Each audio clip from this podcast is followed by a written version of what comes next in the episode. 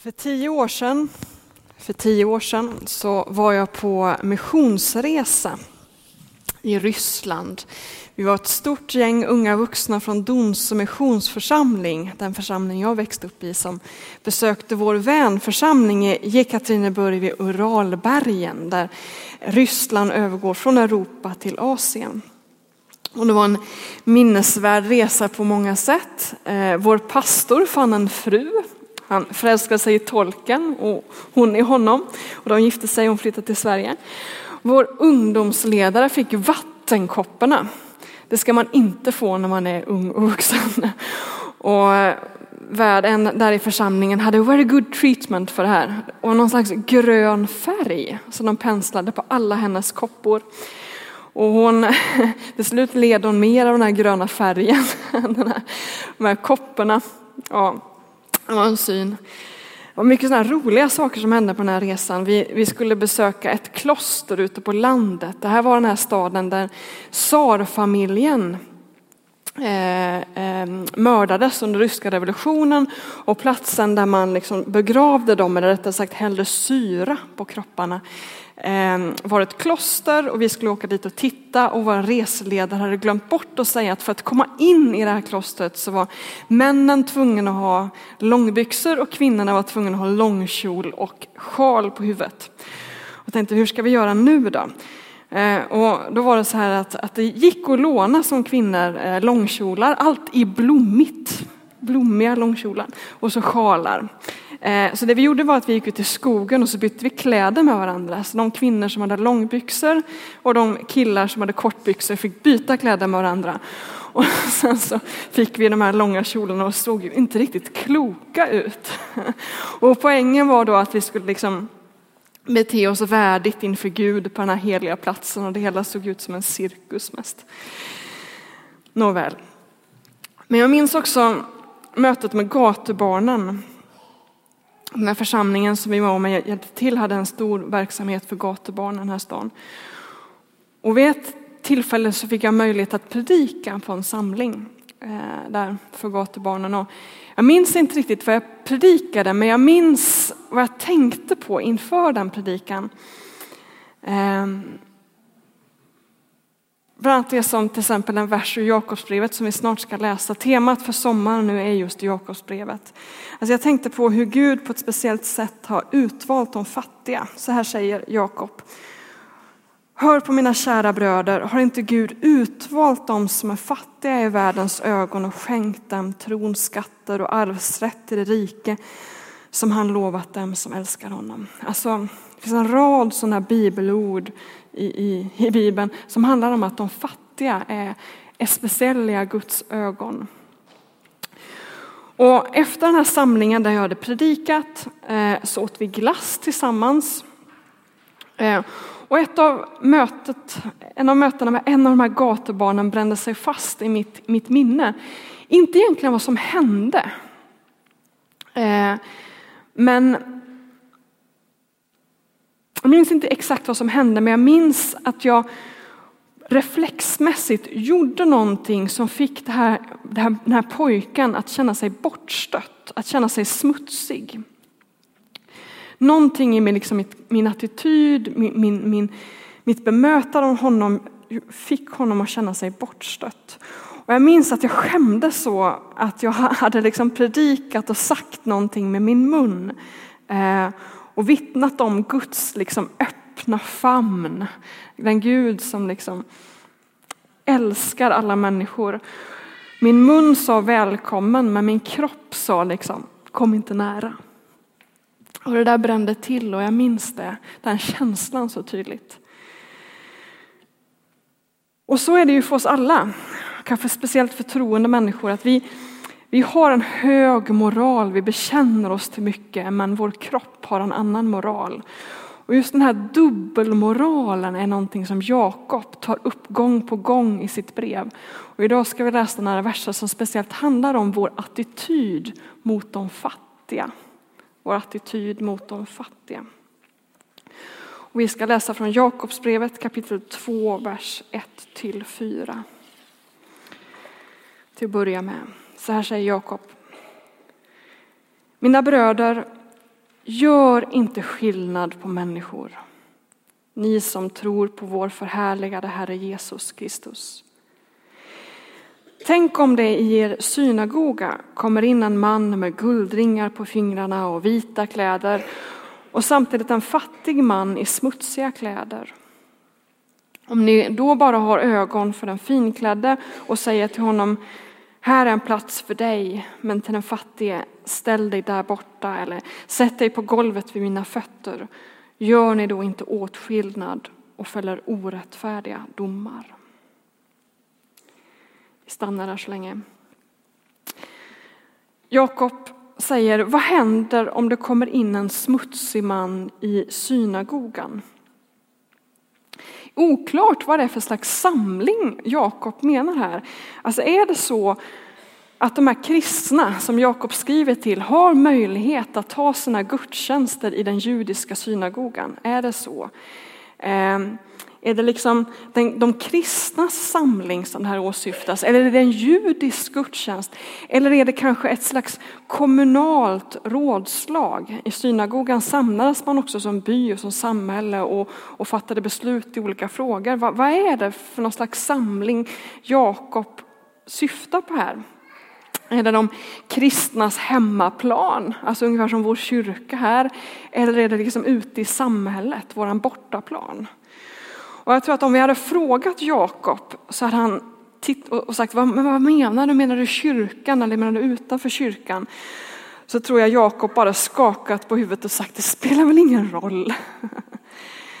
För Jakob liksom trycker på det här att livet måste vara helt. Vi ska ha samma moral här inne och där ute och överallt. Vi ska vara hela människor.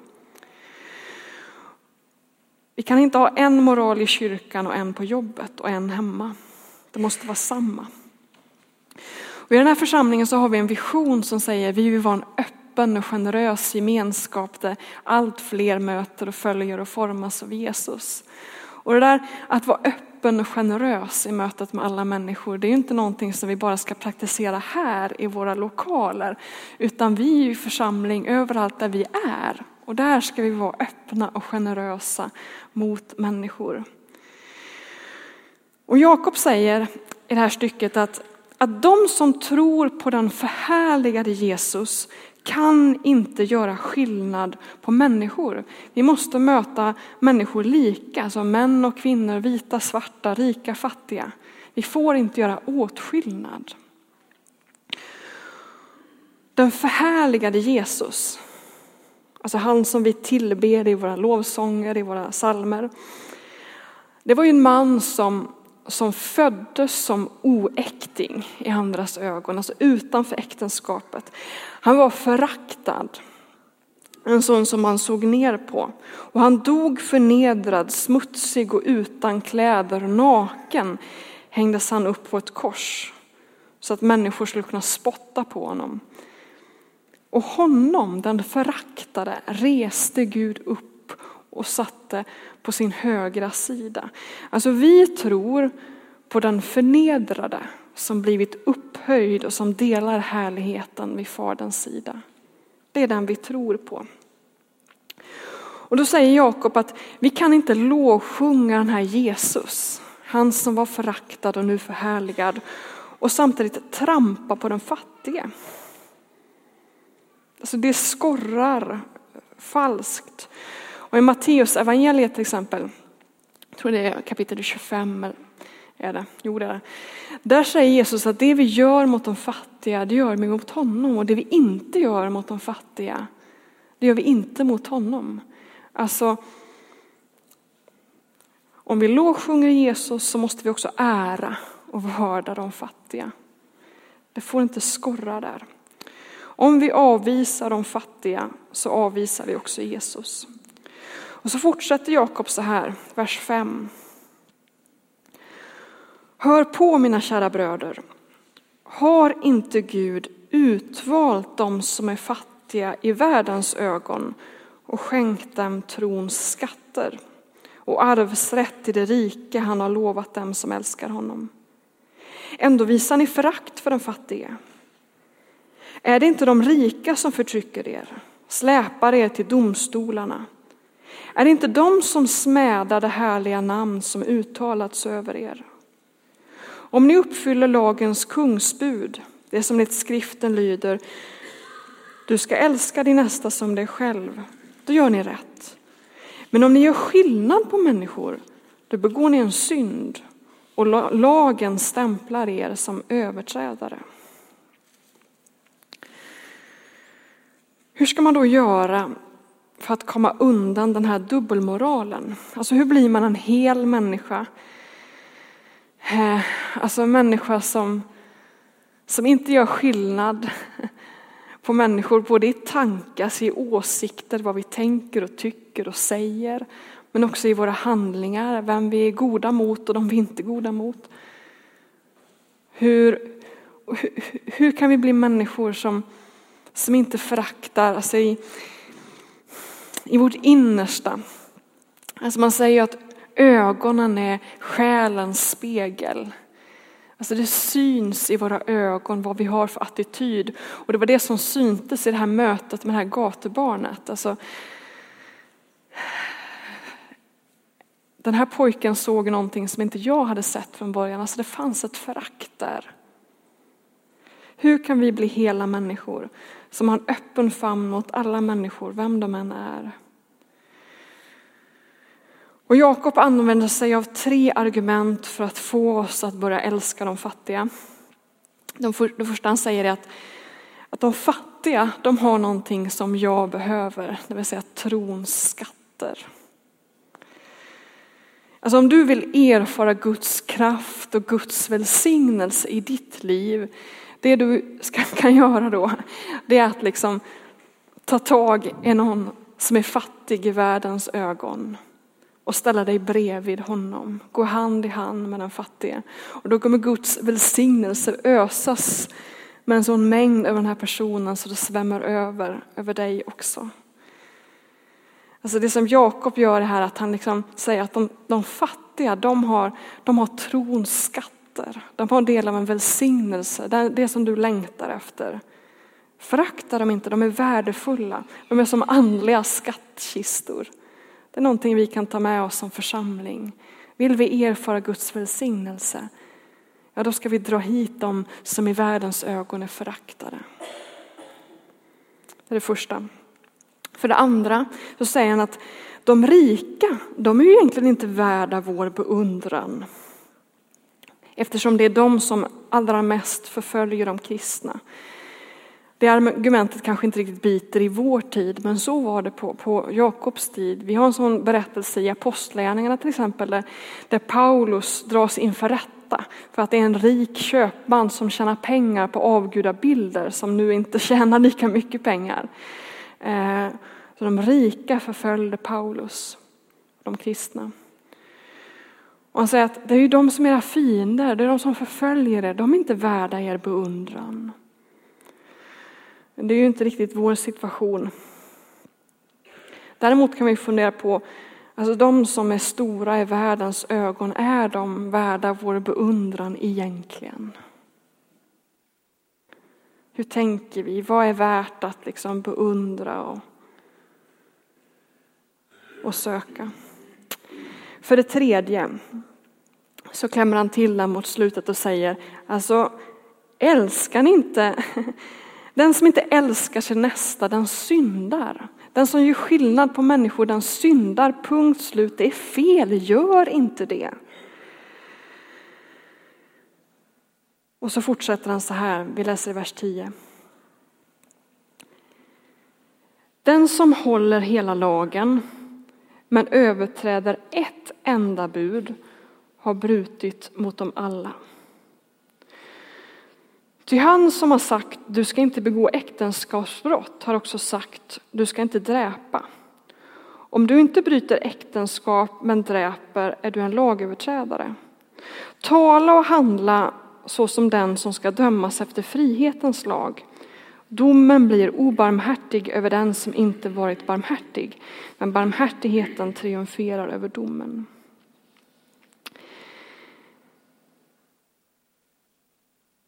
När vi tänker lag så kanske vi tänker framförallt på Svea rikes lag. en samling av olika lagar där det står liksom, eller olika brott och så står det också vad det är för slags påföljd. Alltså vår lag reglerar ju också vad som blir påföljden om man bryter mot ett visst brott. Och, och att eh, cykla utan lyse när det är mörkt det är en påföljd och att stjäla en annan påföljd och vi liksom värderar de här olika brotten. Eh, att köra för fort betraktas på ett sätt och att döda en annan människa på ett annat sätt. Ordet lag används på lite olika sätt i Bibeln. Eh, det kan syfta på den här samlingen bud som vi har i Bibeln och som ju till viss del liknar då vår liksom Svea rikes lag. Eh, men lagen det är också ett förbund. Ett förbund, ett avtal. Och när man bryter mot en paragraf i ett avtal, då har man ju brutit mot hela avtalet och det är liksom kört. Alltså man faller ur hela avtalet. Det händer någonting bara om man liksom bryter mot en liten, liten paragraf liksom, så är det kört. Man ramlar ur avtalet.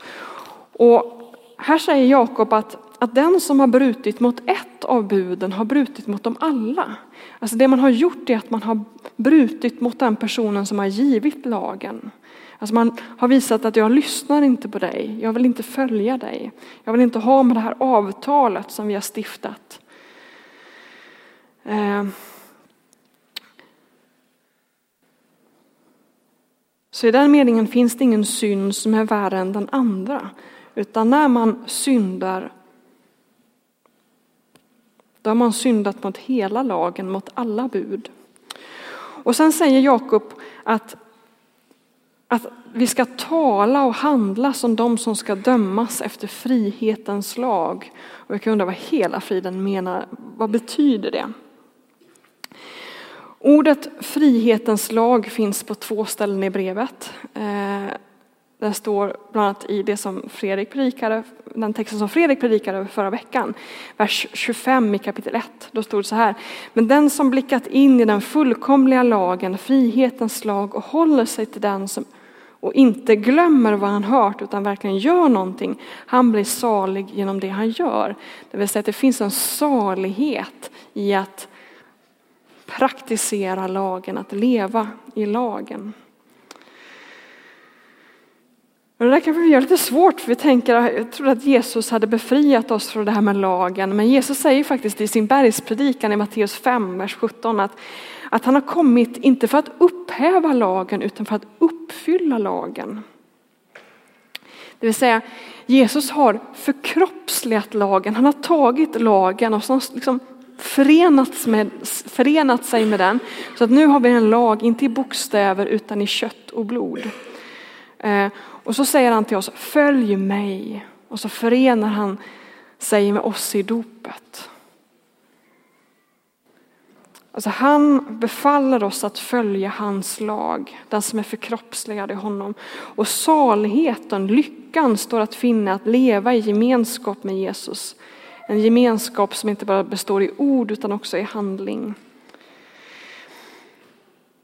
Och det som sker med lagen när den uppfylls av Jesus, det är att lagen blir frihetens lag. Enligt Paulus i Romarbrevet så är människan, finns det liksom bara två tillstånd. Antingen är man slav under synden eller så är man slav under Jesus. Och Jesus är en betydligt bättre herre än synden, säger Paulus. Och när man ställer sitt liv under Jesus, då blir man en fri människa, det vill säga man får kraft, frihet att kunna leva ut lagen. Det finns en tvingande kraft. Alltså, när du är slav under synden, då tvingar synden dig att göra det som synden liksom är. Eh, när man ställer sig under Jesus, då, då blir man fri från de destruktiva krafterna som finns i synden. Lagen är en frihetens lag. Men bara om man förhåller sig på, på rätt sätt till lagen, säger Paulus. Det är viktigt för honom i Romarbrevet. Enligt Paulus så finns det två förhållningssätt till lagen. Det ena leder till frälsning, det andra leder till döden.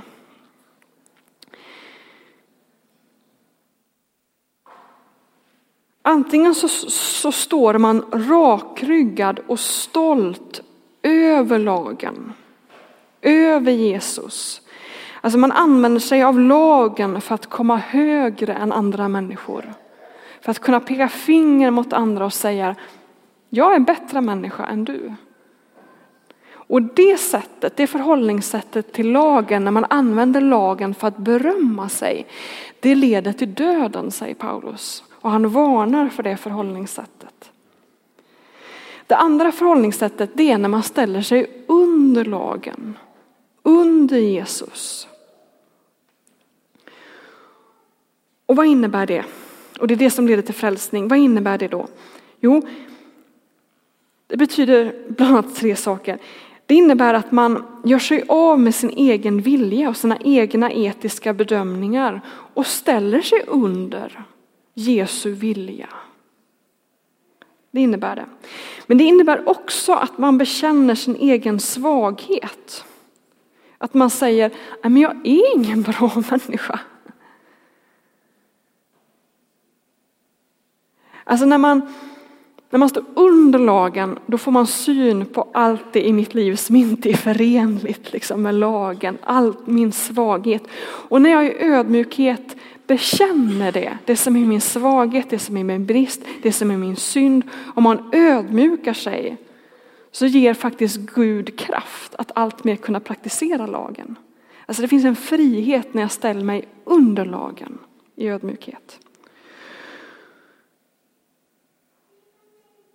Och så innebär det också att om du har ställt dig under lagen, då har du också ställt dig under en barmhärtig Herre.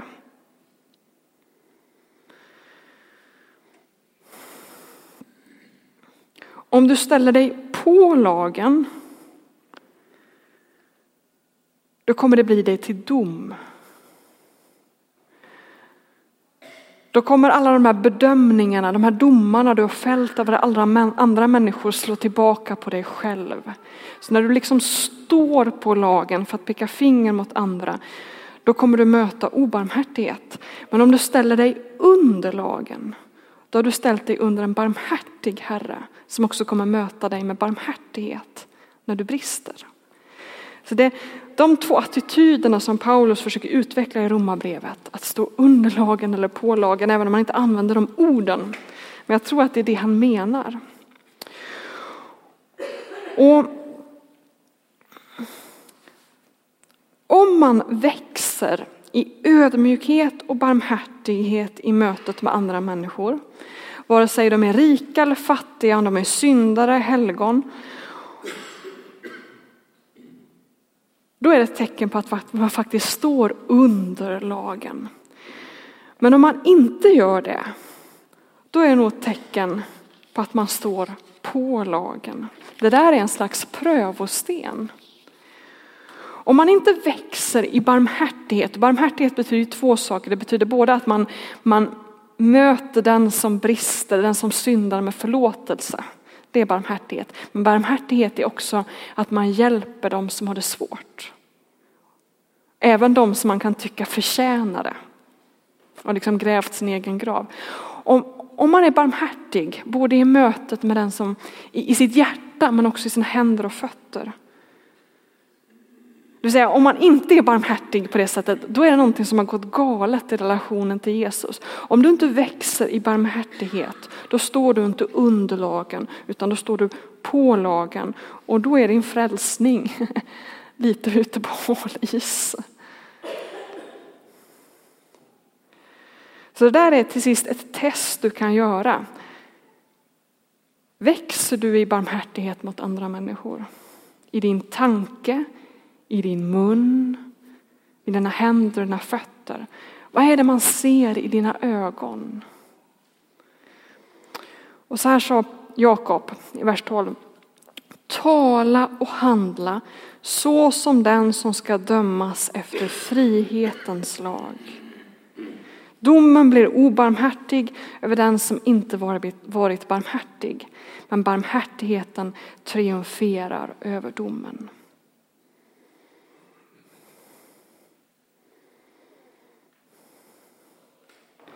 Alltså, agera så som om du skulle dömas av en lag, alltså att du har en lag över ditt liv. Ta lagen seriöst. För domen är obarmhärtig mot den som inte varit barmhärtig. Men så skriver han, men barmhärtigheten triumferar över domen. Och det där är en slags paradox. Att den som tar lagen seriöst, alltså den som lever som om det fanns en dom. Det är den som, som erfar Guds barmhärtighet och som är erfar den triumfen. Alltså det har människor genom hela kyrkohistorien erfarit. Att det är när jag ställer mig under Jesus, under hans bud, under hans lag, som jag också får erfara den barmhärtiga nåden. Och det där kanske inte riktigt går att redas ut med ord, utan är någonting som ska erfaras. Och då är den frågan som vi kan ta med oss i resten av den här gudstjänsten. Var står jag någonstans? Står jag på lagen eller står jag under lagen? Vi ska strax